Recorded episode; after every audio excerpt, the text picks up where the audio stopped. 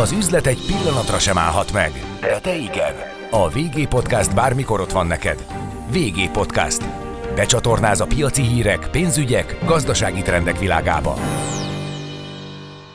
Üdvözlök mindenkit, Andor Attila vagyok. Hosszú-hosszú felévelés után lassult a webkereskedelem növekedési üteme. Kimondottan borulátók lettek a webes kereskedők, legalábbis erről árulkodik a GKI Digitál felmérése. Velem szemben Madar Norbert, a GKI Digitál vezető tanácsadója. Szia, üdvözöllek! Sziasztok, üdvözlöm a hallgatókat én is! VG Podcast. Becsatornáz a piaci hírek, pénzügyek, gazdasági trendek világába. Régi Podcast. Üzletre hangoló. Fontos látni, hogy az első fél év azért egy 14,5 százalékos növekedést hozott az internetes kereskedők számára. Ez nyilván kisebb, mint a, a megszokott, vagy az elmúlt évekre jellemző, de azért rossz adatnak semmiképp sem mondható. Hogy látod?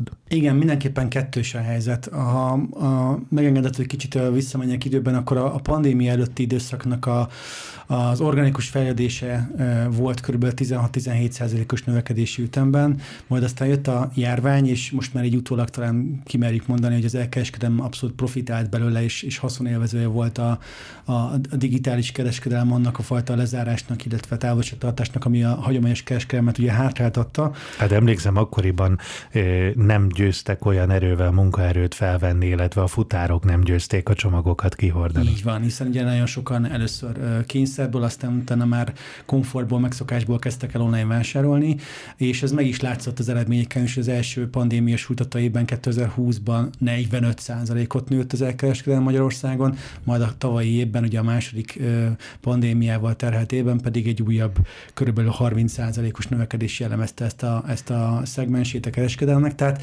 gyakorlatilag az organikushoz képest egy háromszoros, illetve kétszeres növekedés volt, és ebből zuhantunk vissza az organikus időszakot ö, jellemző 16-17 százalékhoz képest is egy, egy jóval konszolidáltabb növekedésre, de még mindig növekedési pályára. Mondanám azt, hogy elmúlt az aranykor, de hát azért a kilátások is borúsak. Igen, egyik oldalról közgazdaságilag mindenképpen fontos kiemelni, hogy minden piacnak van egy érettségi görbéje, a, ez az érettségi görbe nyilván az elején egy jóval meredekebb pályán tud emelkedni, majd aztán, ahogy tejtődik a piac, a vásárlók is egyre ö, rutinosabban mozognak, ez elkezd szükségszerűen laposodni. Mondhatjuk azt is, hogy ö, mindenféle recesszió, meg, meg energiaválság nélkül is ez a laposodás elkezdődött volna a, a magyar kereskedelemnek az online lábában is. Nyilván azok a, azok a körülmények, amik most sújtják a a gazdaságot, illetve a fogyasztást, azt, azok ezt felgyorsítják, illetve hátráltatják. Önmagában a 14,5% valóban nem egy rossz teljesítmény, de ha kibontjuk a két negyed évet az elmúlt fél évből, akkor azért az látszik, hogy a második negyed év, tehát a nyári hónapokban már évév alapon mindössze 7%-os volt a bővülés, tehát ez már inkább a stagnálás fele kezd el hajlani, ami meg már egyértelműen egy negatívabb képet fest a piacról. Van egyébként szezonalitás az elkereskedelemben, nyilván azt gondolom, hogy az év vége, karácsony előtt Black Friday nyilván nagyon erős, de a második negyed év ugye tavaszi-nyári hónapok hozhatnak természetes módon egy kis mínuszt hozhatnak, és hoztak is hagyományosan. Itt a pandémia megint egy trendforduló volt. Az elmúlt két évben az volt a tapasztalható, hogy a, a második negyed évnek a hónapjai azok erősebbek voltak online kereskedelemben, mint az első negyed év első három hónapja. Viszont mondom, a vírus előtti időszakban meg az volt, ahogy te is fogalmaztál, hogy, hogy a nyári hónapokra szükségszerűen visszaesett, vagy inkább a hagyományos kereskedelem javára fejlődött a kereskedelem. Most kérdés lesz, hogy ez egy, ez egy visszarendeződés, vagy már a, a megtorpanásnak egy jele. Itt a, a hónapok között érdemes kutakodni, hogyha júliusra tekintünk, akkor júliusig, tehát a, a, még egy abszolút növekedés, meg egy jó időszak volt a kereskedelem online lábának, és aztán utána, hogy elkezdődött a rezsijárakkal kapcsolatos kommunikáció, és az emberek elkezdték látni azt, hogy az infláció akár a mindennapjékra is milyen hatással van, onnantól látszott az az erőteljes megtorpanás, ami a mai napig tart, és a harmadik negyed évet is jellemzi. Érdekes amit mondasz, mert, mert ebben a székben, ahol most eh, te is ülsz, nagyon sokszor ülnek banki elemzők, közgazdászok, és ők meg pontosan azt mondják, hogy nem igazán tudatosul a baj a magyar háztartásokban. Sokokra visszavezethető ez talán, de hogy a fogyasztás annál mindenképpen sokkal magasabb szinten van, mint ami a, a viszonylag borús jövőből és a jelen inflációból következne. Nem tudom, ez mennyire tükröződik vissza az adatokban, talán a haviban, nem? Ö, itt ketté kell választani. Az egyik oldalról hogy az elkereskedelem azért nem a napi fogyasztási cikkek bevásárlására szól még Ázsiában már ott tartunk, de Magyarországon ez még egy 10%-os része a piacnak. Tehát jóléti tartós fogyasztási cikkek beruházására van szó azért nagy, nagy mennyiségben online környezetben. Mit értek az alatt? Ugye műszaki cikkeket például, és egyéb nagyobb értékű dolgokat ezeknél azért már sokkal jobban megnyilvánulnak ilyen, ilyen falak. Gondolok itt akár például az évelején, februárban, amikor a háború kitölt, akkor is érezhető volt ez a megtorpanás, és akkor a másik része pedig, hogy az elkereskedők kezében azért rengeteg eszköz van arra, hogy mérjék a, a hatásokat. Ugye gondolok itt amire, a látogatottságra. Az, hogy hányan nézelődünk, hányan vagyunk a különböző webshopok fölöttein, az egy nagyon jó száma arra, hogy az érdeklődés megvan-e. Van visszaesés? És, és ebben egyértelműen látszott a visszaesés, mint februárban, a háború áttörés, mint pedig most nyár közepén, amikor az energia hírek elkezdtek a médiában forogni, és mindenki elkezdte számolni azt, hogy őt mennyire fog érinteni. Egyértelműen látszott a megtorpanás. És akkor a másik mutató nyilván maga a konverzió, tehát a látogatásból lesz a vásárlás, és ebben a tekintetben pedig azt kezdett el kirajzolni, hogy megmaradtak a rendelések, tehát a rendelés számok nem csökkentek, és akkor ez analógia lehet a, a különböző elemzőknek a, a, az üzenetére, viszont a kosárértékek elkezdtek csökkenni.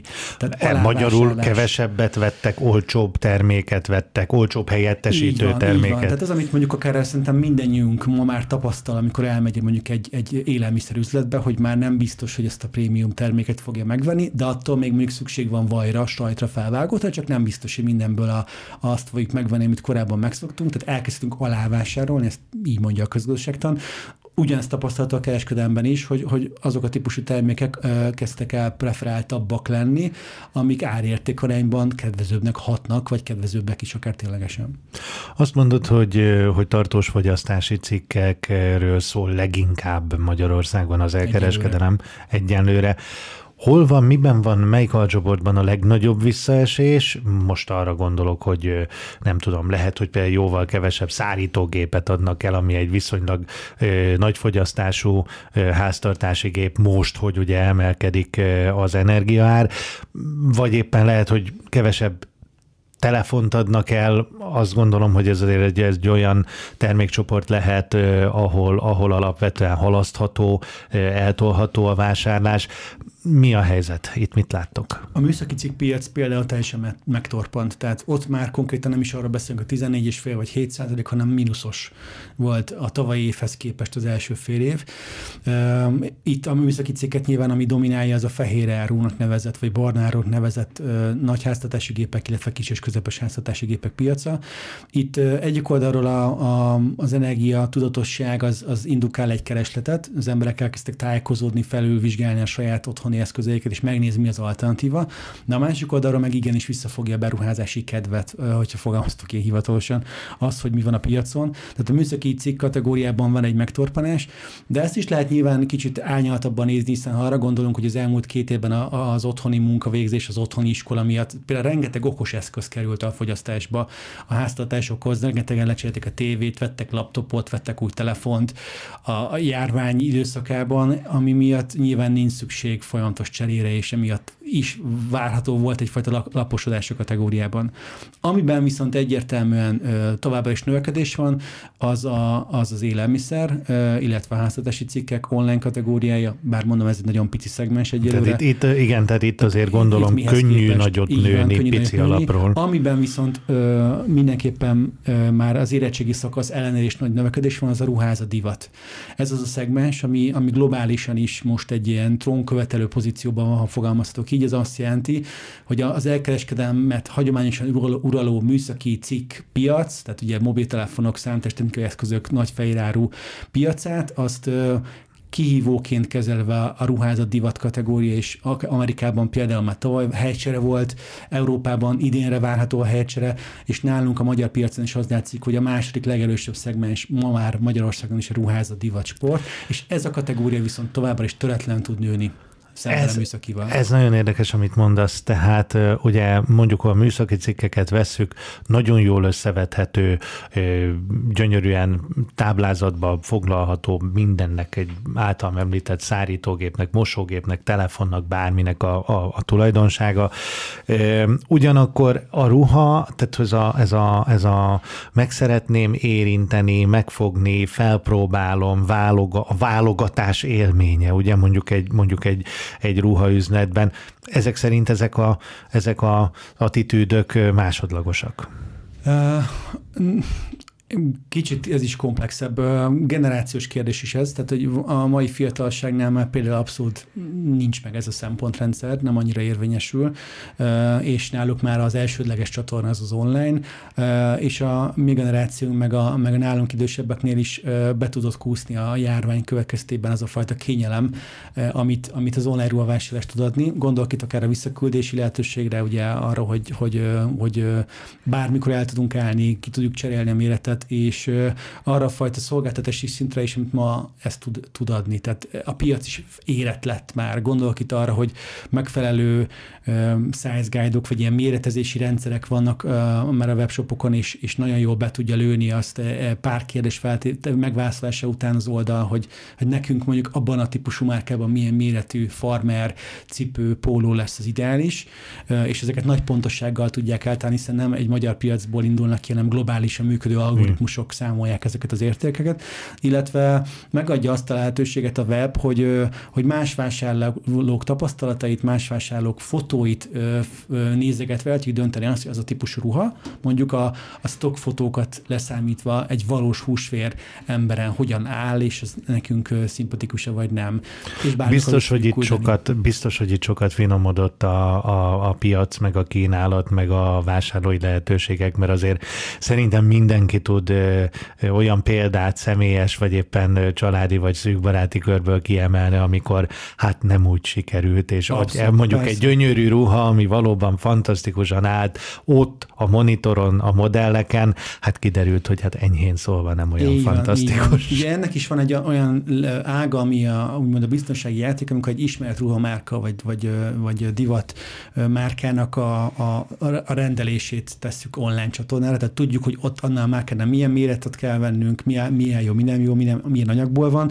Valaki meg nyilván kísérletezik is, de ide még behoznék egy aspektust, ami a, ami a végtelen polcok ö, illúziójáról szól. Tehát az, hogy, hogy, hogy az árucikkek hiánya, az ellátási láncok akadozása miatt azért ma már nem triviális, ha bemegyünk egy ruhaboltba, de legyen egyébként ezek egy műszaki szegmensben is érvényes mondás, hogy megtaláljuk azt, amit keresünk. Van olyan méretű, van olyan színű ruha, amit éppen ott szeretnénk, és biztos mindenki tapasztalta már, hogy bemész, ott a farmer, de jól néz ki, pont nincs a méretemben. Igen. Ugye ezeket az online nagyon szépen kibírja simítani, és ott, ott ezek rendelkezésre állnak, tehát sokszor már emiatt is terelve van a fogyasztó már a boltban is, hogy ha nem látod azt a méretet, akkor ne aggódj, ne csüggedj, hiszen online meg tudod rendelni, tehát maguk a boltok is ösztönzik arra a plázákban a, a vásárlóikat, hogy igenis próbáld ki az online csatornát környezetudatosabb, kevesebb embert kell alkalmazni, és, és nagyon kényelmes tud lenni a vásárlónak. É, hogy látod, ugye az online kereskedelemnek borzasztó nagy előnye és veszte, hogy borzasztóan könnyen összehasonlíthatóak az árak. Ez mondjuk egy nehezebb gazdasági környezetben akár fel is értékelődhet. Így van. Erre ugye reagálniuk kell a kereskedőknek. Mit mondanak? Lesznek nagy akciók? Nagyobb akciók lesznek? Megpróbálják? Hogyan tudják megfogni a vásárlót? Van egy ö, á, nagyon nagy infláció, áremelkedésre kényszerül gyakorlatilag mindenki, ez az online térben forintra követhető diagramok segítségével taszító tényező. Van jelen pillanatban még egy munkaerőhiány, sajnos sokak szerint hamar lesz munkaerőfelesleg, munkanélküliség növekedés, de mindenképpen csökken a fogyasztás, és, és lesz miből sajnos valószínűleg válogatnia az online kereskedőknek olcsóbb, mondjuk a mostanihoz képest olcsóbb munkaerő. Van egy általános infláció, illetve ezzel összefüggésben egy általános vásárlóerő csökkenés, mondjam azt, hogy egy bizalmatlanság, a félelem fokozódik, szintén nem a vásárlások irányába hajtja a malmot. Igaz, sokan megnézik, hogy lecserélik a mosógépet, mert kevesebbet fogyaszt, stb. stb. Ez nem fog kompenzálni. Nem fog kompenzálni. Mi várható? Hú, ez egy önmagában különös témája lehetne, de, de igyekszem röviden többre válaszolni. Ami, ami látszik, hogy a, az árérzékenység az terelhet. Tehát, tehát tulajdonképpen az olcsóbb termékek kerülnek előtérbe. Így van, így van. Tehát az, az olcsóbb termékek, ugye erről beszéltünk az alávásárlás kapcsán, is előtérbe kerülhetnek, meg az árérzékenységnek a szempontjának a felértékelődése az, az terelhet az online irányába, hiszen hogyha valaki tudatosabban akar vásárolni, nem akar elcsábulni, nem akar, nem akar kompromisszumot kötni, akkor az online vásárlásban még mindig könnyebben meg fogja tudni találni azt a, azt a lehetőséget, amivel ezt, ezt a vágyát tudja, tudja, vagy ezt az igényet tudja tartani. Akciókat nyilván a, a kereskedelem erre épül, tehát lesznek akciók, ezt senkinek nem javaslom, hogy ebbe riogassa magát, hogy nem lesz Black Friday, vagy nem lesznek akciók. A mihez képest lesz érdekes. Nyilván nem lesznek 50%-os akciók, ahogy te is mondtad, az infláció az rányomja a bélyegét mindenre, viszont most arra például abban a fajta készlethiányos állapotban már nem vagyunk, amiben mondjuk egy évvel ezelőtt a pandémia második évében viszont volt a kereskedelem, ugye akkor nem nagyon volt áru. Most van áru, van mit eladni, lesz választék is. Nyilván az árérzékenység miatt az olcsóbb kategóriájú termékekre nagy lesz a kereslet, és emiatt pont a felsőbb szegmensben kialakulhat egy, egy, ár, egy olyan helyzet, ami, ami az árazásokra jótékony hatást tud gyakorolni. Tehát simán lehetnek beragadt nagy értékű műszaki cikkek, amikre viszont jó akciót fog nyújtani a kereskedő, amiatt, hogy az is pörögjön kifelé a rendszerből. És, de, és differenciálni fogja a kereskedőket az, hogy kinek mekkora tőkéje van, milyen készletet tud felhalmozni, és abból milyen kedvezményt lesz hajlandó adni. És az egésznek a fő üzenet ez az lesz, hogy amíg az elmúlt években azért alapvetően mindenki nyertes volt, aki elkereskedelmet komolyan véve próbált a fogyasztókért menni, most meg lesznek kőkeményen nyertesek, és vesztesek. Nem fog mindenki tudni hozzáférni az a szűkebb fogyasztói réteghez, ami, ami, ami korábban nem volt ennyire szűk hogyan gondolkozol a, a tranzakció számról? Tehát kezemben van a, a sajtóközleményetek, csökkent a dinamikája a tranzakciószám növekedésének, 36,5 millió belföldi rendelést adtak le a magyar vásárlók az első fél évben. Azt gondolom, hogy egyébként ez egy óriási szám ahhoz képest, hogy, hogy 10 millió ember lakja Magyarországot. Abszolút, tehát itt a, rendelési... Tehát, hogy ez, ha, ha, ha mindenki rendel, ami nyilván nem reális, akkor is majd négy rendelés per fő. Sőt, tehát valójában nincs 4 millió online vásárló, tehát hogyha így nézzük, akkor még nagyobb a rendelési gyakoriság. Igen, tehát itt a tranzakció az nagyon sokáig az volt a piacnak a folyamata, hogy a tranzakció kezdete jobban nőni a forgalomnál. Tehát, hogy többször és többször kezdtünk el vásárolni online, ha úgy tetszik, akkor már mindent is online vett az, aki, aki rákapott ennek az egésznek a, a savára, borsára.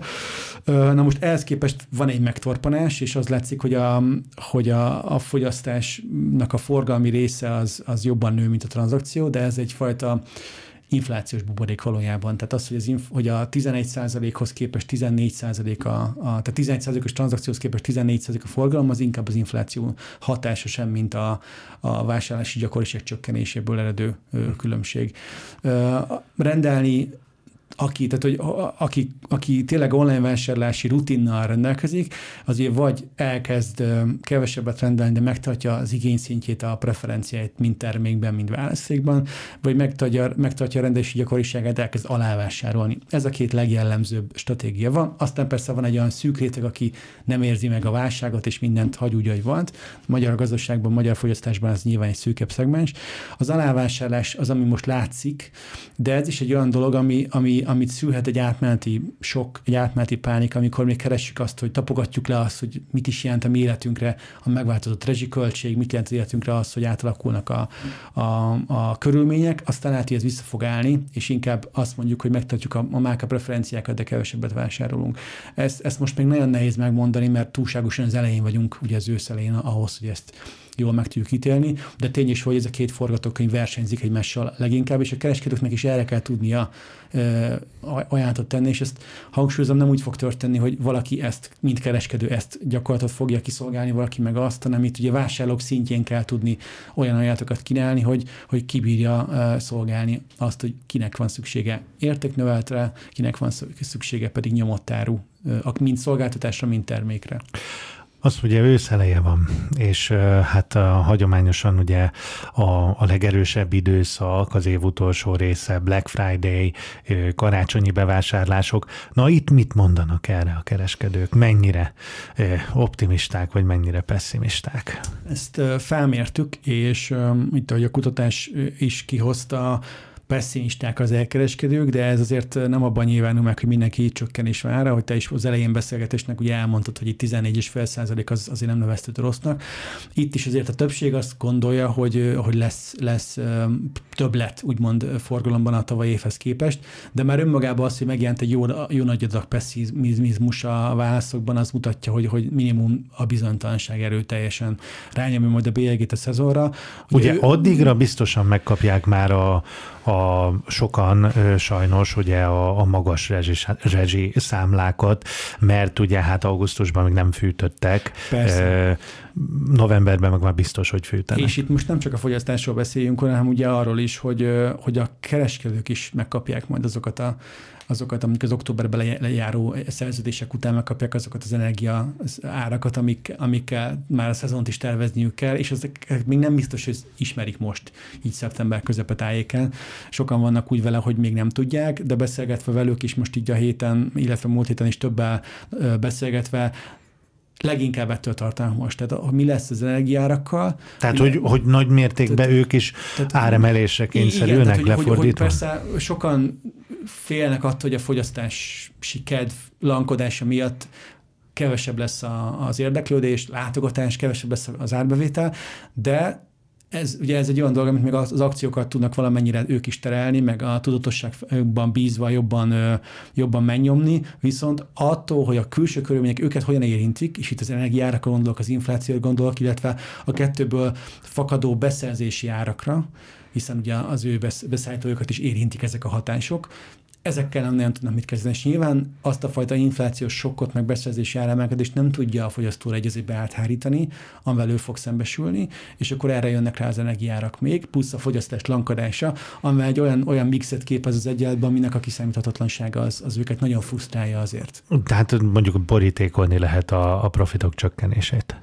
A, abszolút, sőt, én még azt is meghozzám, hogy a piacnak a, a a kereskedői számossága is csökkenni fog. Tehát az, hogy hányan maradnak talpon, minden értelemben az, az, az, az nem kérdés, hogy, hogy, hogy, hogy erősebb lesz majd, vagy sok, sokkal többen fognak kiesni a ligából, mint amennyien korábban. A kicsik dőlhetnek be? Nyilván nekik nehezebb, de a kicsik esetében viszont a rugalmasság egy nagyon fontos kulcs tényező. Tehát ő nagyon könnyen, most persze egy kis kereskedő erre rázná a fejét, vagy csóván, hogy nem így van, de könnyebben kibírja szervezni mondjuk egy külső logisztikai partnernek, gondolok itt a Fulfillment, tehát a raktár logisztikára, könnyebben oda tudja adni egy bérelhető webshop rendszernek az, a működését. Tehát ő, neki vannak olyan eszközei, amivel tud optimalizálni. A nagyoknál a tehetetlenség azért az egy, ez egy nagyon fontos tényező, ott már a munkaerő létszám is akkora, amivel már nem tudsz annyira könnyen játszani, Nyilván ugyanakkor a tőke rendelkezésre is talán könnyebb túlélni. Úgyhogy szerintem nem annyira egyértelmű, hogy a kicsik fognak ebből pórulálni, de, de biztos, hogy lesznek vesztesei. És ez egy fontos üzenet, hogy ez, egy, ez eddig egy nagyon hurra optimista, pozitív piac volt, most meg... Jön a tisztító tűz. Így van. Így van. És egyébként ez a folyamat eddig is zajlott már, tehát bárki, akár itt a hallgatók körében sem magába gondol, hogy, hogy az ő online vásárlási szokása hogyan néz ki, akkor azért az van, hogy minél tudatosabbak vagyunk, minél többször rendelünk, annál inkább beszűkül az a kereskedői ö, paletta, amiből választunk, hiszen tudjuk, hogy kitől mit várhatunk, és, és nem fogunk kísérletezni folyamatosan mindenféle ismeretlen webshopokkal. Tehát a piac maga is a fejnehézség, a koncentrálódás felé haladna organikusan is. Uh-huh. Ezt fogja még erőteljesebbé tenni ez a helyzet. Mi a túlélés receptje? nyilván, nyilván szívesen megmondanád, de ezt, ezt azért nyilván nehéz megfogalmazni, de olyan dolgokra gondolok, hogy hogy a jó kínálat az evidencia, mondjuk azt hiszem, hogy ez még viszonylag egyszerűen menedzselhető webshopok esetében nem muszáj mindennek ott lennie a polcon folyamatosan. A jó árak kérdése, hát az már ugye a saját profitok rovására, van, az, az, az már egy nehezebb ügy, de szerintem nagyon-nagyon fontos a szolgáltatás minősége, és az előző válaszodban te is utaltál rá, hogy mit várhatok az adott webshoptól. Tehát ha volt egyszer egy garanciális ügy, akkor az hogyan oldódott meg, ez, ez evidens, viszont szerintem a szállítási módok, lehetőségek, árak kérdése számomra egyébként mondjuk szintén lehet döntő. Az átvétel kényelmessége fogalmazzunk úgy gyorsasága. Ez, ez mind nagyon fontos, és ugye ezek nem mennek márka nélkül, tehát hogy legyen egy kereskedői e, e, e, identitás, arcok a cég mögött, logó, ami, ami, ami mond valamit, ugye nagyon sok olyan, tudom én, butoráruház, és direkt nem akarok neveket mondani, nem tudom, kirincs webshop, tehát a, a, akik, akik próbálnak ilyen nagyon basic vonalon maradni, azok, azok most ilyen szempontból póruljának, muszáj kialakítson mindenki valamilyen márkaképen, és akkor erre jönnek rá a szolgáltatások, amit te is mondtál. Tehát az, hogy a, bármennyi is tapasztalják a fogyasztók, hogy csomagautomata boom van, erről sokat beszélünk is, rengeteg több ezer automata van már az országban, mégis. Itt óriási a növekedés. Óriási növekedés a flottában, tehát a kihelyezésekben, és a fogyasztók is rákaptak már, az emberek használják, de az elkereskedőknek csak az 50%-ánál van például belistázva a csomagautomata. Tehát minden második kereskedő egyszerűen hiába ennek a trendnek úgy van vele, hogy még nem, nem listázom be, minek az elveszítünk egy csomó vásárlót vele. Vagy a fizetési megoldások. Nagyon sok elkereskedőnél mai napig nem lehet például előre bankkártyával fizetni, ami nem is csak azért érdekes, mert hogy nem kell készpénzt kezelni, hanem az előre fizetés az a lemondással szemben is egy nagyon fontos bástya. Tehát sokkal hajlamosabb a vásárló átvenni ezt a rendelést, ha már kifizettem, mint amikor berendelem, és majd ha megjön, akkor kifizetem, aztán lehet, hogy közben elcsápulok három másik ajátra, és visszamondom az eredetit. Tehát, hogy ilyen apróságokkal is lehet sokat tenni azért, hogy versenyben maradjunk, amik egyébként a kereskedői profiltól idegenek, hiszen nem ő fogja kiszállítani.